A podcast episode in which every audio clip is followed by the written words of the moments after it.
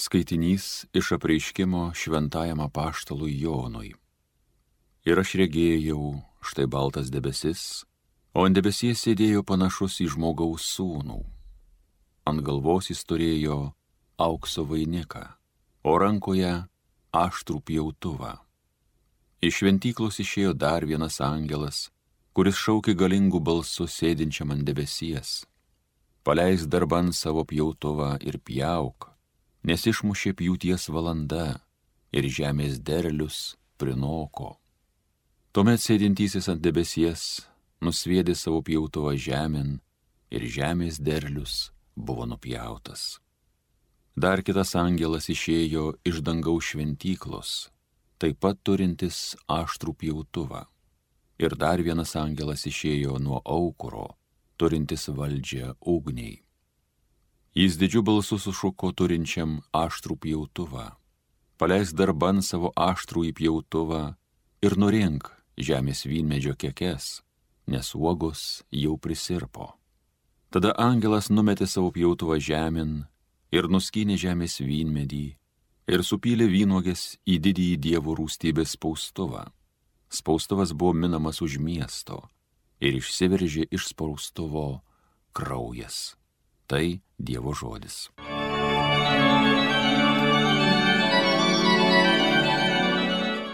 Viešpats ateina tvarkyti pasaulio. Skelbkite tautoms, kad viešpats galingas valdovas. Jis nepajudinamai tvirtą sukūrė pasaulį, valdo tautas teisingiausiai. Viešpats ateina tvarkyti pasaulio.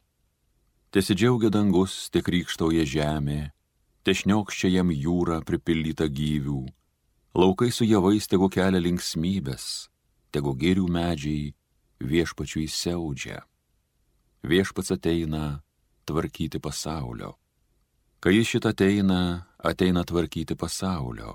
Jis tvarko pasaulį teisingai, ištikimiausiai valdo žmoniją. Viešpats ateina tvarkyti pasaulio. Alleluja.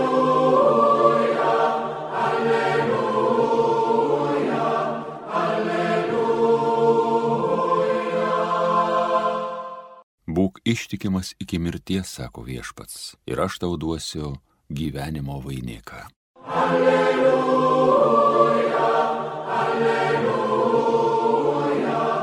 alleluja. Pasiklausykite Evangelijos pagal Luką. Kai kuriems kalbant apie šventyklą, kad ji išpuošta gražiais akmenimis bei dovanomis, Jėzus prabilo. Ateis dienos, kai iš to, ką matote, neliks akmens ant akmens, viskas bus išgriauta. Jie paklausė mokytojo, kada tai įvyks ir koks bus ženklas, kada tai prasidės. Jėzus pasakė, žiūrėkite, kad nebūtumėte suklaidinti, nes daugelis ateis prisidengia mano vardu ir sakys, tai aš. Ir atėjo metas Jūs neikite pas juos, o kai išgirsite apie karus ir maištus, nenusigaskite, visą tai turi pirmiau įvykti, bet dar negreit galas. Ir dar sakė, tauta sukils prieš tautą ar karalystė prieš karalystę. Šiandien ir ten bus didelių žemės drebėjimų, lygų ir badmedžių. Bus baisenybių ir didelių ženklų iš dangaus.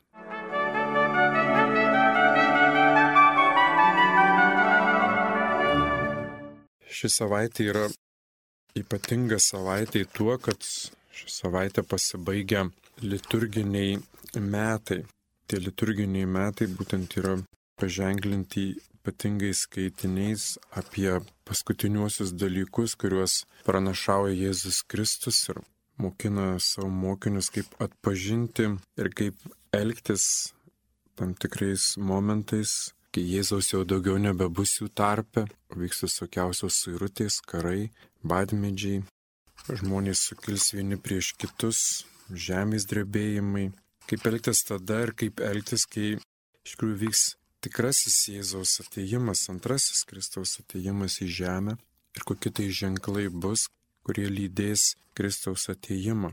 Kiekvienais metais mes skaitome tuos pačius skaitinius, panašius skaitinius apie paskutiniuosius dalykus, ir užbaigiame liturginius metus, paskutinę savaitę, prieš pradedant Adventą naująjį liturginį laikotarpį. Šiandieną Kristaus mokiniai kreipiasi į jį kalbėdami apie šventyklą, stebėdamisi jos grožiu, kokiais gražiais akmenimis bei dovanomis jinai išpuošta, ir Jėzus tarsi nekreipdamas dėmesio arba visai kitaip sureaguodamas į mokinių susižavėjimą šventyklą savo, kad ateis dienos, kai iš to, ką matote, neliks akmens, ant akmens viskas bus išgriauta.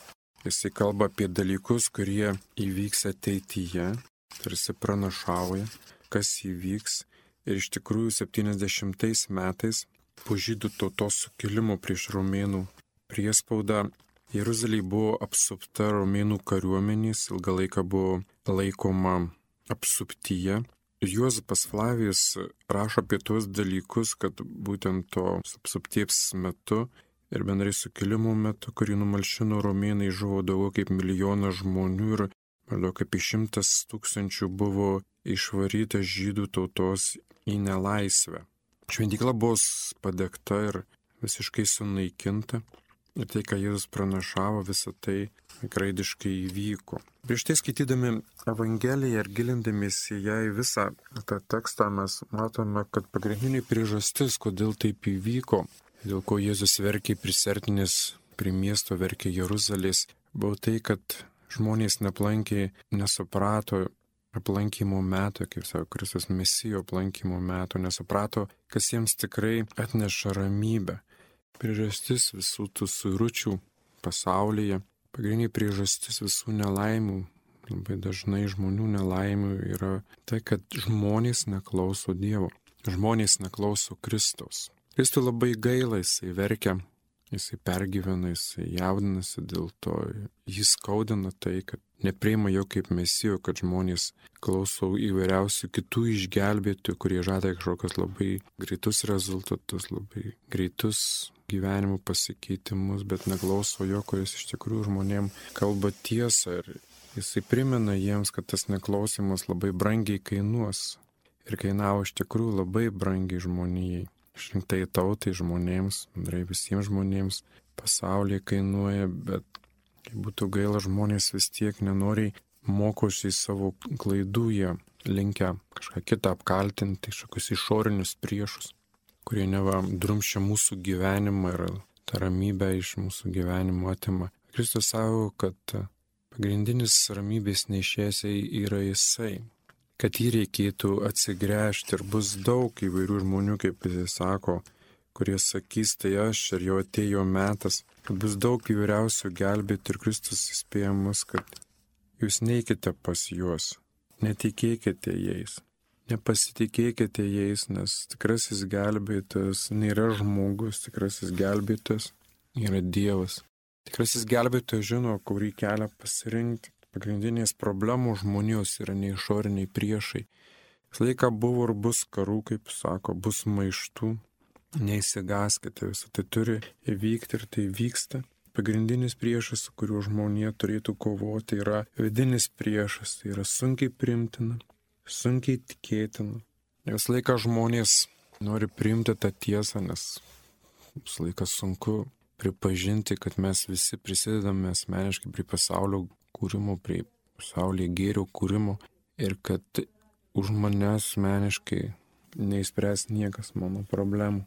Vis laiką bus sunku pripažinti, kad didelę kaltę nešu ir aš, kad mano gyvenimas, egzistavimas šiame pasaulyje nėra nereikšmingas, arba nežymus.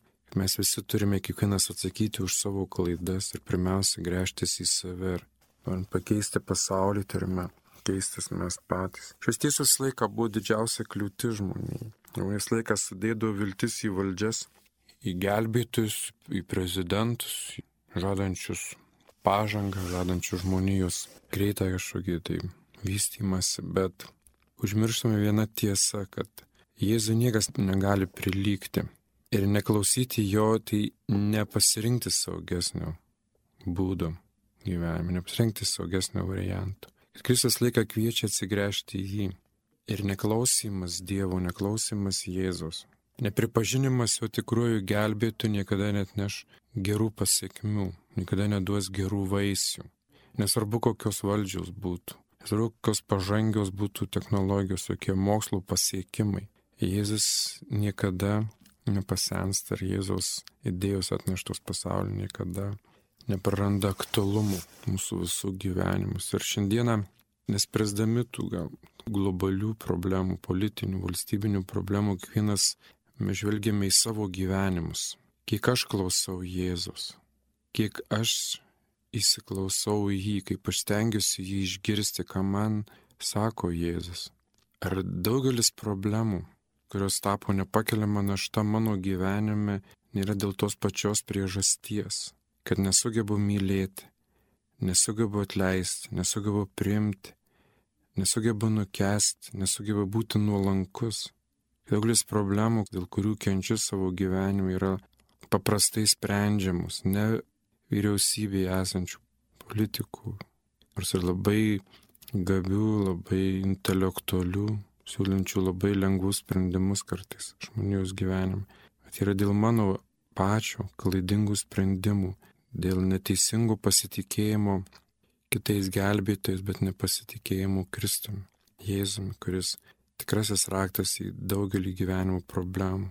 Be abejo, mes neįspręsim globalių problemų ir jos buvo ir vyks ir mes neapsaugoti esame nuo karų, nuo suiručių, nuo ekonominių vairiausių krizių, bet Kristus pirmiausia kviečia žvelgtis į savo asmeninį gyvenimą, savo klaidų neužkrauti kažkam tai, nebijoti prisimti atsakomybę, prisimti sprendimus, moralinius sprendimus, klausytis Dievo žodžio, numirti savo egoizmui, numirti savo abejingumui Dievo žodžio, įsiklausyti jį dėmiai ir visa širdimi atsiverti, atsigręžti į Kristų, kuris yra tikrasis gelbėtojas, kuris žino, kas įvyks ir vieną dieną jisai ateis teisti pasaulio, ateis teisti kiekvieno asmeniškai.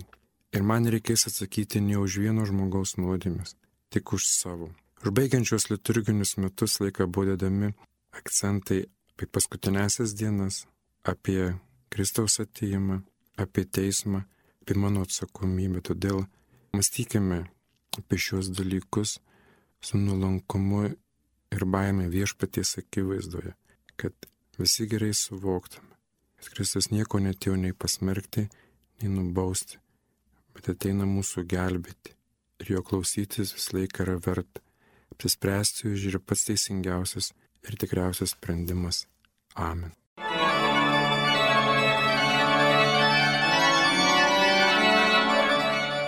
Homilija sakė kunigas Vaidotas Labašauskas.